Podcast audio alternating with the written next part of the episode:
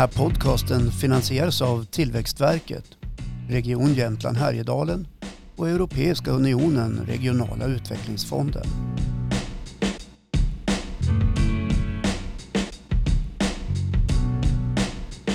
Vi pratar om besöksnäringens roll som regional tillväxtmotor och forskning kring besöksnäringens effekter och påverkan på både människor och samhälle. Dagens gäst heter Therese Bengard.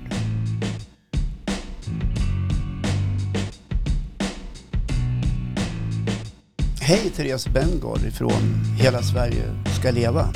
Tjenare. Verksamhetschef. Det stämmer. Ja. Mm. Du, beskriv vad det är du håller på med för någonting. För hela Sverige ska leva, det hör man ju. Men vad är det ja. du gör för någonting? Precis. Nej, men jag är som sagt verksamhetschef för en riksorganisation. Eh, vi verkar som sagt i hela landet. Vi vill att det ska finnas goda villkor i hela landet. Att det ska vara landsbygdsutveckling eh, men också då den här balansen mellan stad och land. Att man ska få eh, resurser, möjligheter att kunna utvecklas i sitt lokalsamhälle. Mm. Och vi representerar ju framförallt civilsamhället då, alltså om du tänker eh, lokala utvecklingsgrupper. Det kan vara en byförening, det kan vara en samhällsförening, det kan vara en hembygdsförening, det kan vara en idrottsförening, det kan vara en, ett nätverk som jobbar med att utveckla sin lokala plats. Det kan vara en lanthandlare eller vem som vill vara med och utveckla sin lokala plats. Så det, det, är de framförallt som vi företräder. Men kan man, kan man då säga att det är som en intresse lobbyorganisation? Ja, jag ska säga att framförallt en intresseorganisation. Vi jobbar ju både med att försöka stärka de här grupperna, alltså att hitta möjligheter till lokala projekt, eh, skriva handböcker, tips, kunskapsöverföring och den delen. Och den andra delen handlar ju som sagt om att, att lyfta våra frågor på den nationella agendan, att påverka politiken, att, att fatta beslut som gynnar eh, de lokala utvecklingsgrupperna och de platserna helt enkelt. Och, och visa på den här obalansen som finns i resursfördelningar och faktiskt kanske möjliggöra att, att vi faktiskt kan bo och leva i hela Sverige. Mm. Du är ju före detta kommunpolitiker och kommunalråd för Socialdemokraterna en gång i tiden i Ragunda. Uh, hur stort nätverk har du och hur mycket kan du påverka uh, synen på stad och land och det du pratar om? Det där är en jättesvår fråga, så är det jag vet, ju. Um, och jag, jag har ju verkligen, eh, ska jag säga, eh, eh, frångått mitt partipolitiska del utan jag jobbar ju partipolitiskt obunden nu och har kontakt med, med alla partier skulle jag säga. Ehm, och det som är intressant i landsbygdsfrågan tycker jag är att, att där kanske det finns mer om jag ska vara ärlig, interna strider, alltså strider inom partierna, medan de som jobbar med landsbygdsutveckling och är landsbygdspolitiska talespersoner, oavsett vilket parti, kanske ibland har mer gemensamt i, i den diskussionen man har. Utan striden handlar ju såklart om alltid resursfördelning. Vart ska vi lägga pengarna? Hur ska, hur ska vi möjliggöra det här samhället och så vidare. Så att, um, um, ja, jag har, jag har ett skapligt stort nätverk, eh, tycker jag, i hela Sverige. Um, och jag hoppas um, nu med de här sista tiden har det ju varit en fantastisk skjuts på landsbygdsfrågan. Så jag har aldrig varit så här mycket i media de senaste tiden ja, på nationell nivå. Du ler när du säger det, så, jag, så det, det, kan Eller, man ju läsa ut. Ja. Nu, den här podden ska ju handla om besöksnäringens mm. roll eh, och som tillväxtmotor och utveckling i små och stora samhällen.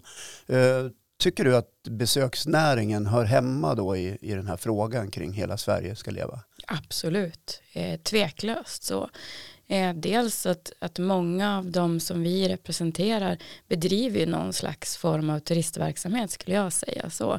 Eh, hade man inte alla de här fantastiska lokala ideella krafterna eh, i våra byar och bygder så skulle det inte vara den här mångfalden av eh, ja, men, aktiviteter så. Eh, framförallt då eh, både vintertid men också sommartid, du vet de här eh, kaféerna som poppar upp och loppisarna och alla de här, jag menar som hemma i, i Ragunda har vi ju ett ankrace till exempel så i Ammer där man släpper de här ankerna i, i älven, eller i, älven, i Ammerån mm. eh, och sen så, så är det ett lotteri då, och en fantastisk kväll så. Så att jag menar Eh, det här görs ju för att i sin tur då kanske värma upp bygdegården eller eh, möjliggöra att man kan kan som sagt driva lokal utveckling i sin bygd. Så jag skulle säga att, att våra föreningar är extremt viktiga i det här. Tänk dig alla hembygdsförbund och alla, alltså så som, som håller på med att fylla de här evenemangskalendrarna. Så att, eh, eh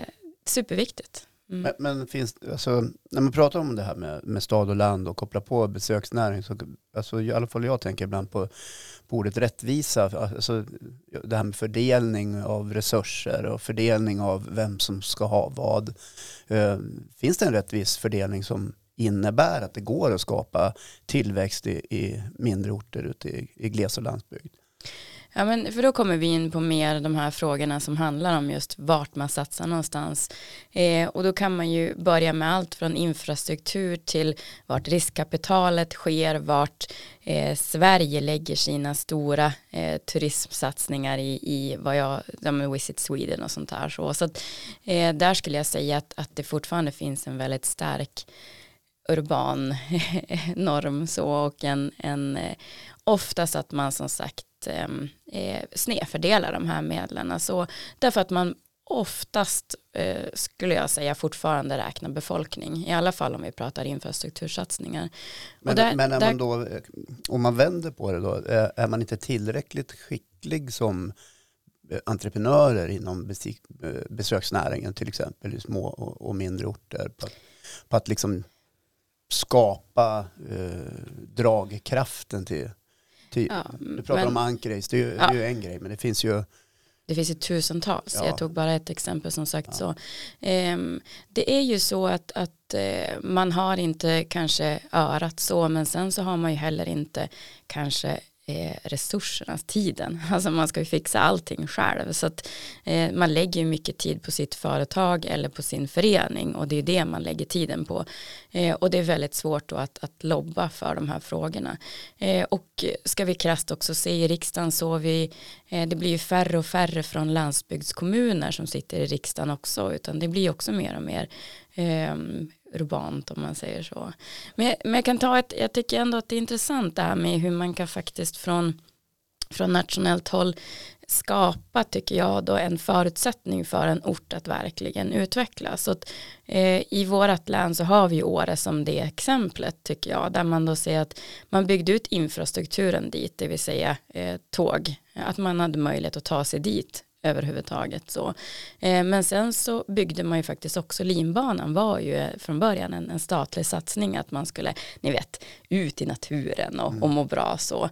Eh, och det byggde man ju sen lokalt vidare på eh, och nu är Åre det Åre är så. Så att man kan genom att skapa goda förutsättningar för de satsningarna faktiskt också hjälpa destinationer att utvecklas. Men då, då pratar vi om en eh, politik som bedrevs på 70-talet. Jag vet, ja, och så tappar man det då. Ja men det är det jag menar. Ja. Det... Men får jag flika in, projektledare ja. Martin, eh, det är väl också den urbana normen du pratar om. Eh, det blir väl också att man inte, en krona på landsbygden kan ju vara mer pang för pengarna än en krona i en storstad. Eh, ska vi ta döda fallet så skulle det säkert kunna från din hemkommun då, eh, så skulle det säkert kunna skalas upp otroligt mycket om man får en promille av kanske en satsning i en storstad på något stort eh, besöksmål där. Och som du säger, det går att bygga någonting runt, runt själva liksom, attraktionen. Mm. Eh, och det har jag också haft tidigare poddgäster som sagt att i, besöksnäringen är ju en annan eh, organism så att säga. Att besöksnäringen eh, byggs det oftast industrier runt på de orter där besöksnäringen har blivit stark. Serviceyrken byggs industrier istället för att industrier byggs först och att serviceyrken kommer sen. Absolut. det är ju en väldigt, eh, om man ska titta på besöksnärings roll för regional utveckling just i korrelation med hela Sverige ska leva så upplever jag, det är bara min upplevelse, att det skulle säkert kunna gå för otroligt mycket pang för pengarna i landsbygden som också bidrar till regional utveckling som också bidrar till att hela Sverige ska kunna leva. Jag vet inte om jag är ute och cyklar. Nej. Nej, men du har, du har absolut helt rätt och det är därför det finns en frustration i att, att um, man upplever, om man ska börja redan på, på lokal nivå, att, att som tidigare som sagt KSO i Ragunda så upplevde man ju att fokuset i Jämtland var väldigt mycket Åre Östersund så om jag ska vara helt ärlig så. Och mycket av de pengarna som lades lades också i att satsa på de destinationerna och utveckla för det var så viktigt för länet så. Eh, och Jämtland har samma frustrationer gäller, ja men allting hamnar ju på något vis i Stockholm eller i Göteborg eller i någon, någon annan del så. Och, och Stockholm tycker ja men vi slåss ju mot London och New York och alltså så att det blir den här hierarkin finns överallt så. Och, och som du säger att, att jag Ehm, om man ska jobba med lokal utveckling så tror jag som du säger att om man då skulle satsa på den typen av destinationer som Döda fallet är eller thailändska paviljongen eh, för våran del också som är helt eh, galet men roligt eh, så, så skulle man ju kunna bygga starka lokalsamhällen kring det.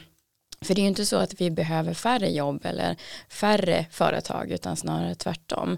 Eh, men både riskkapital, infrastruktursatsningar, eh, vad ska jag säga, projektpengar har en tendens att koncentreras till, till redan etablerade destinationer skulle jag säga. Mm, men där finns det också kapital.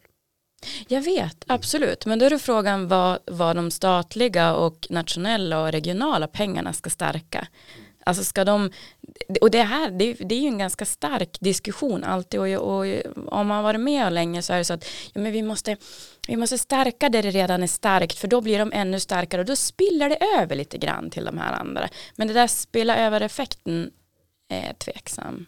Jag har inte sett så mycket av den. Om man leker med tanken att eh, Döda fallet fick en eh, linbana, man kunde liksom åka hela vägen och, ja. och titta. Nej, men, nej, men skulle, jag... och, och, det var en statlig satsning. Skulle det kunna ja, vara? Alltså nu, nu kanske man inte ska ha linbanor överallt. men jag förstår, ja, precis. Det kan vara en gångbro eller?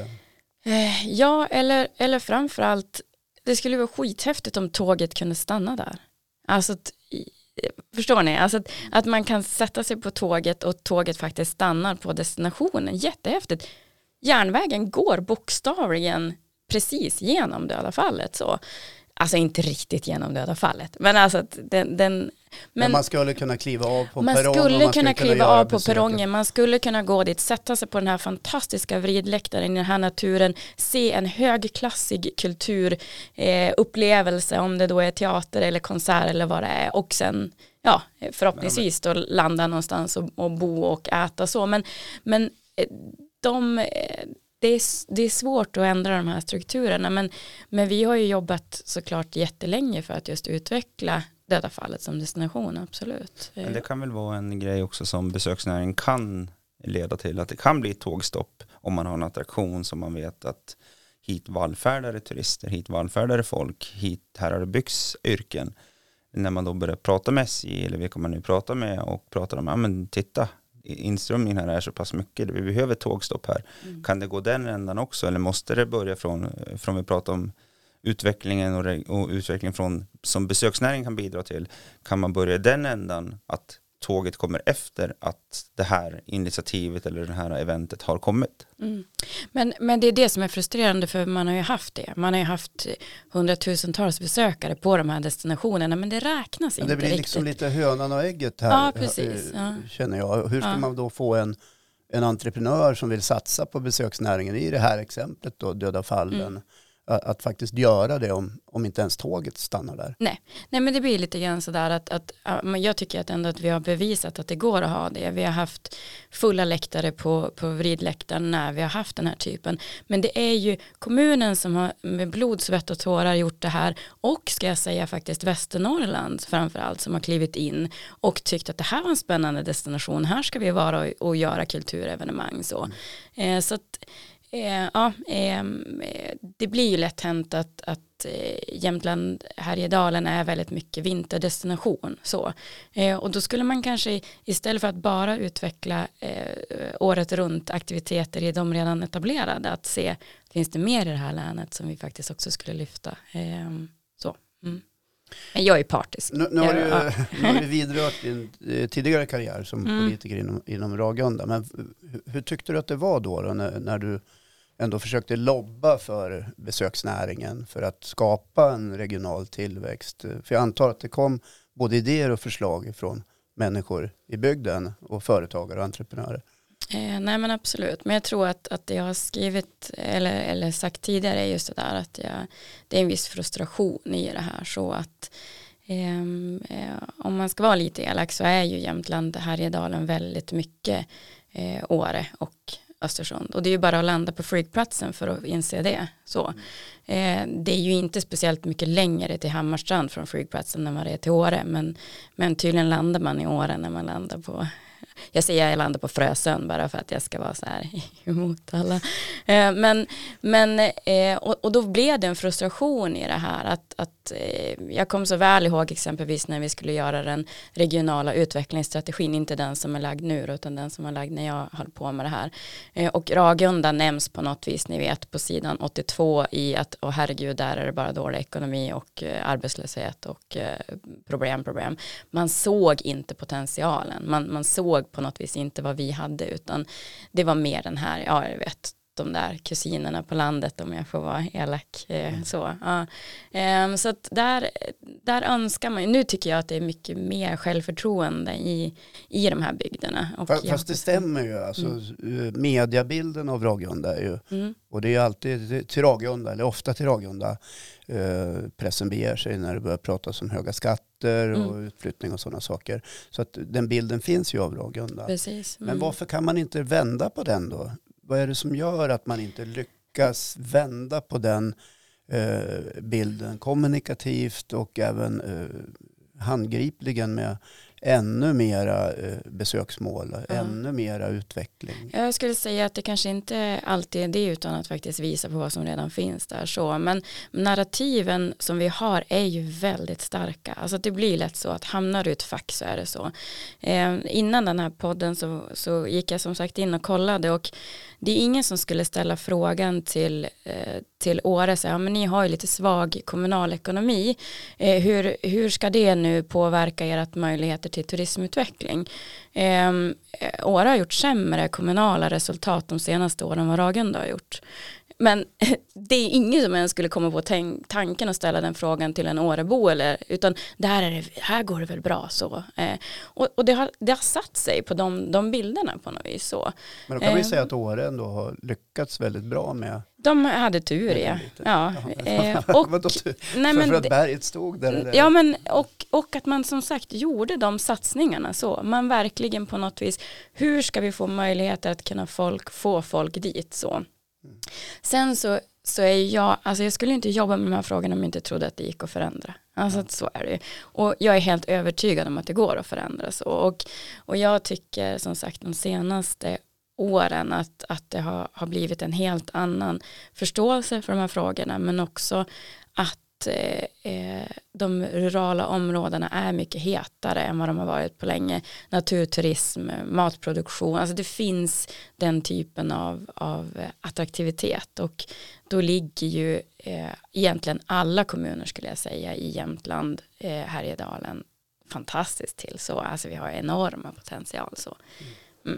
Om du inte, alltså såg ni den informationen, jag var så in i bängen. Här då så jobbar... Vänta, vänta. Ja, förlåt. Vadå, vart du arg eller? Jag vart arg. Oj. Jag blir det ibland. Du kan bli det ibland. Ja. ja.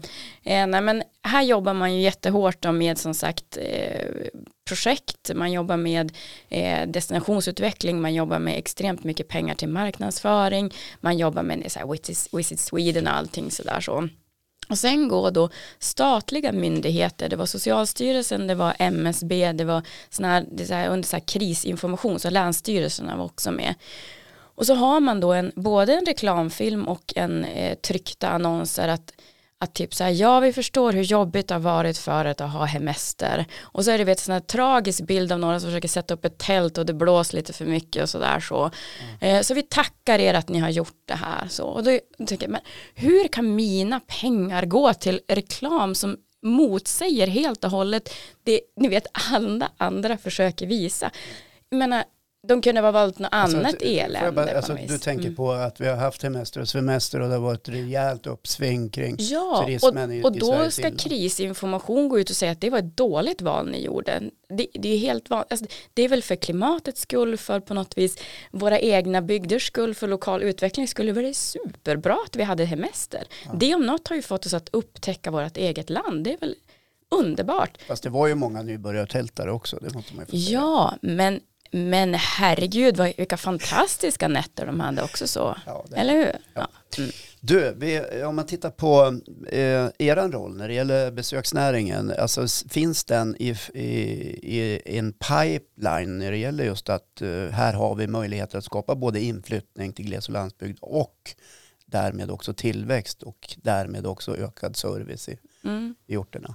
Jag ska börja med, jag är hård mot Håkan nu, men det där narrativet att det är bara inflyttning vi strävar efter. Eh, man måste ju också få möjligheten att kunna faktiskt bo på en plats och bo kvar på en plats och ha möjligheter att om jag är född och uppväxt där så kan jag driva mitt företag eller så. Så att det är inte bara inflyttning tror jag man ska se utan även möjligheter för folk att kunna som redan lever och bor där fortsätta göra det. Men absolut, jag skulle säga att, att det här är superviktigt. Jag skulle säga att jättemånga av våra föreningar håller på med någon slags turismverksamhet. Eh, precis som jag inledde med just det där att, att lokala utvecklingsgrupper jobbar ju mycket med eh, aktiviteter, alltså att skapa de här delarna för att då kunna sälja den där kopp kaffe eller någonting annat för att kunna bedriva utveckling. Och det kan ju i sådana fall i sin tur leda till att man investerar i att man köper upp fastigheter som man gör om eller att man eh, driver, jag menar för lanthandlare är det superbra att det kommer besöksmål eh, eller att det finns ett besöksmål där så att man också får ökad omsättning i sin handel och så vidare så, så att besöksnäringen är superviktig skulle jag säga för, för våran organisation men också för, för hela Sverige. För, för när du får till det så tvingar det ju också då beslutsfattare att se till att det finns service på orten. Absolut. I form av hemtjänst, trottoarer, gatljus, vad man nu är en, en lägger in i det, skolor och... Så är det. Ja. Eh, det, man skulle, det man skulle också önska om jag får, får vara i, den, i det läget så, så... I den här podden får man önska vad man nej, vill. Men, tack. Ja. Ja. Eh, nej men om du tänker att, att mycket av, eh, skulle jag säga, den, den turism som också finns är ju faktiskt hemvändare och de som har har en, kanske en fastighet i, i kommunen eller i regionen så. eller de här jaktgästerna som kommer eller annat, eh, de betalar ju inte en krona egentligen till kommunen i form av det, utan det är mer att det finns företag då som, som kan, så att Alltså någon slags mer eh, diversifierad beskattning. Eh, så. Särskilt nu när vi börjar kanske bo på flera platser också vill bo på flera platser och, och jobbet nu helt eh, i till viss del i vissa yrken i alla fall möjliggör det. Så, så tror jag man måste se, se över det där. För att det är ju också så att turistorter har ju utmaningar med att upprätthålla ett VA-nät eller annat. För, för eh, helt plötsligt då hur många som helst fler eh, kommuninvånare några månader per år. Så, så att där tror jag också att man måste se över de delarna. Men, Vi har varit inne på det i ett annat avsnitt med mm. Anna-Karin Säterberg som, mm. som var riksdagspolitiker för Socialdemokraterna.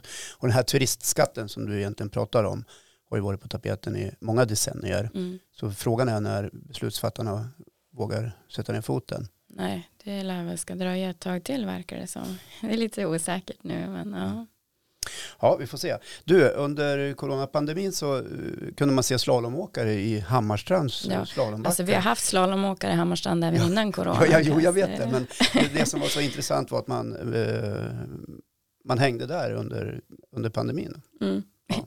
Det var mindre folk där än i år eller? Ja, det utgår nej, ifrån att det var nej, men, nej, men jag skulle säga att, att eh, just eh, coronan har ändå visat på den här frågan. Och det som är, är lite tragiskt i det är ju att när då de som idag har eh, tolkningsföreträdet och från vilkas ögon vi ser väldigt mycket världen, när de upptäcker att det finns en värld där utanför den här lilla bubblan som de befinner sig i oftast i, i våra storstäder, så bara, åh, titta här nu, oj, och folk flyttar och folk vill bo där och det är helt fantastiskt. Eh, ja, eh, många av oss har ju bott där de senaste åren. Så, så att jag skulle säga att, att jag tycker ja det är bra så men det blir, visar väldigt tydligt också på vad vi tidigare har haft för syn att nu helt plötsligt upptäcker man att det finns Ja men jag har en fortsättning på den här frågan. Ja, och jag tror, det är klart att det bor folk överallt, nästan. nästan. Eh, eh, för inte så många dagar sedan så kom det ju uppgifter om hur det ser ut med utflyttningen ifrån storstäder. Och eh, Jämtland ligger ju ganska bra till i, i topp med att locka hit, nu säger jag inflyttare igen mm. då, även om jag vet att du kanske vänder mot det begreppet. men locka hit människor som kanske väljer att jobba på distans eller till och med kanske väljer att dra igång någon form av besöksmål dit de kommer. Man kommer in med nya ögon och så vidare. Mm. Vad, vad, var din reaktion när du såg de här siffrorna? Jag antar att du kanske visste om dem redan innan de publicerades. Eh, nej men eh, det här är ju inte alls förvånande för mig för den här trenden fanns innan pandemin. Eh, Stockholm har haft ett minus flyttnetto de senaste åren. De har också haft krismöten i, i Stockholms stadshus. Visst, på grund visst är det, stackars de, de är ju bara någon miljon så att jag menar det är klart att det är kris. Två. Ja, jag vet. Jag gjorde, jag gjorde en, för det var ju ett, ett en kommunpolitiker där eh, som gick ut och sa nu måste vi ha statligt stöd för folk flyttar från Stockholm. Ja, och, och vi gjorde... måste peka på hur, tillväxtkraften i Stockholms stad. Och jag ja, läste också det där. Ja, men, ja. men det som var så, så, roligt var att jag gjorde då en överföring. Jag räknade hur många då personer egentligen rörde sig om om man skulle göra samma alltså, eh, korrelation med Ragunda och då var det 13 pers som hade flyttat från Ragunda. Så det är ingen kris i Stockholm om vi säger så. Men får jag fråga så här men, då, eh, förlåt om jag avbryter, men har besöksnäringen tror du spelat någon roll i det här? Ja, alltså att um, um, ja, tveksam faktiskt så. Sen kanske det beror på vilka platser man då hade top of mind så när man skulle välja ett, ett annat. Som individ då, alltså? Ja, precis. Ja. Men om man nu hade då Hammarstrands eh, slalombacke i top of mind? Ja, eh, då, eh, nej men alltså Före det, Åre eller Funäsdalen? Eller ja, eh, det är jättesvårt att, att dra, ni vet så här, vilken, vilken exakt, är det en enda sak eller flera saker? Jag tror att det är flera saker som spelar roll. Det vi definitivt kan se är ju att det är så himla intressant att att bostadspriserna hos oss också, jag tror att de har mer än fördubblats. Så nu är det inte så jättedyrt att köpa ett hus från början. Men alltså det är helt, i skulle jag säga, i väldigt många av våra bygder så ser vi att det finns en helt annan eh, eh, efterfrågan. Men det är väl också det vi berörde lite grann i, i podden, att just det här att besöksnäringen är väldigt bred.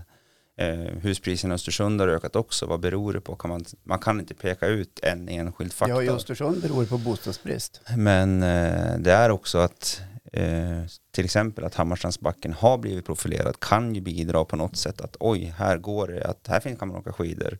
Mm. Eh, och alla delar spelar in. Eh, och, det, och, det är väl just det vi har verkligen berört i, i podden, att bes, hur bred besöksnäringen är. Vart slutar den eller vart börjar den? Det går liksom inte att säga, Nej. för det är som en stor levande organism egentligen. Mm. Eh, och väldigt intressant att för att det kan ju vara att ja, men det finns en slalombacke, dit vill vi flytta för vi vill åka slalom varje dag. Mm. Eh. Och jag tror att, att eh, såklart råden också så. Alltså det är fortfarande så när jag är, jag är ju runt och föreläser i, i alla fall innan eh, pandemin i hela Sverige så. Och när jag säger, när jag nämner Hammarstrand så är det råden definitivt fortfarande som är så här, ja det är nya Rådenbanan, ja precis. Eh, och där gör man ju en ny satsning också nu från förbundets sida. Eh, och det är en, en väldigt stor aktivitet. Och, och det är det jag menar att, att det kanske går också i vågor det här så. Eh, och ehm, eh, jag hoppas ju som sagt nu att jag är som sagt inte alls orolig egentligen över att storstäderna kommer bli här avbefolkade så. Men eh, om vi får möjligheter att, att eh, utveckla våra bygder att fler kan stanna och leva och bo där men också att fler eh, väljer att, att dela våra platser så, så är ju det positivt. Vi är ju inte tokmånga i Jämtland eh, just nu. Nej, och jag, jag personligen är från Bispgården men just kontrasterna där på 80-talet kontra nu då det fanns allt där till exempel. Mm. Tandläkare, bibliotek, banker, eh, eh, flera mataffärer och så vidare och åker igenom nu är det ju väldigt igenstängt, mm. väldigt mycket. Eh, och just det du säger att det finns eh, potential. Det finns en enorm potential. Det fanns slalombacke där som var igång när vi växte upp. Det mm. fanns till och med golfbana ett tag. Ja, eh, en väldigt bra inomhussporthall som lockade mycket fotbollsläger, innebandyläger minns jag. Men det har liksom avtagit. Mm. Och det i takt med kanske en entreprenör eller kanske i takt med att narrativet har blivit förändrat. Men eh, besöksnäringen var ju också väldigt starkt och det fanns Forsloppet och det fanns eh, Indalsledsloppet som också har dött ut men som också bidrog till att det kändes levande. Mm. Eh, så det håller, jag tror det har en stark korrelation.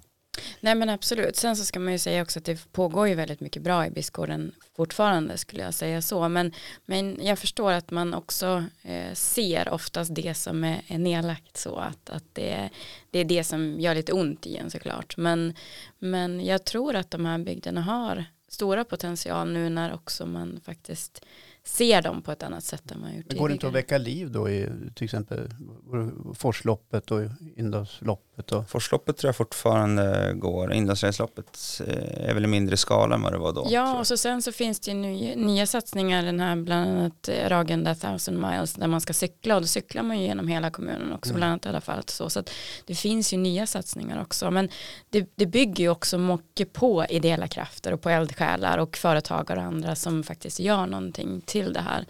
Eh, och där kan man ju säga att, att förut i, i framförallt kanske industribygder som hade, då hade man, eh, den lokala ledningen var där, bodde där på plats och tyckte att det här var viktigt, elljusspåret var viktigt, ja men det är klart att vi sponsrar det med, med x antal kronor. Den, och då återkommer vi lite grann till det här uppväxling av pengar, ja. pang för pengar, att som du säger 10 000 på elljusspåret kan göra en enorm skillnad kontra att det behålls i nu huvudkontoret som kanske ligger i en storstad. Precis. Eh, och det är, var ett besöks, alltså det var, var väl en av Jämtland Härjedalens bäst skötta mm.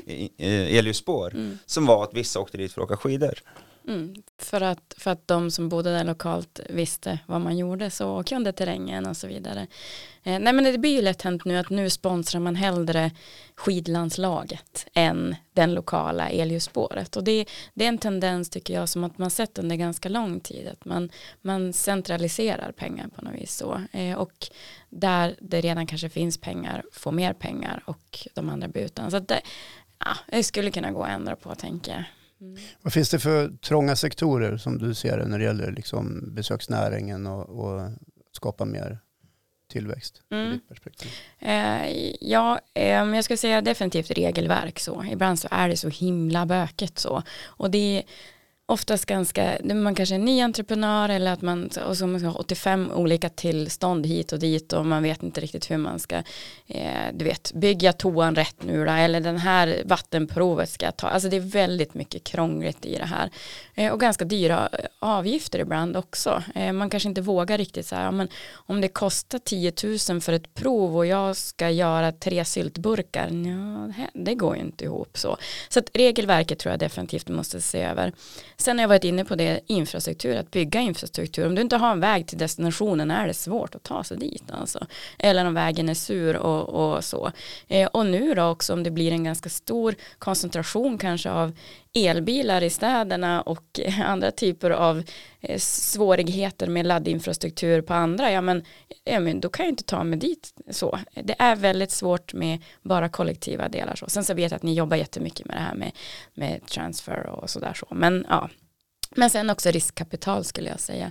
Eh, vi gjorde ju en balansrapport kring riskkapital och där är det ju man ser att bankerna gör sin reträtt från landsbygderna.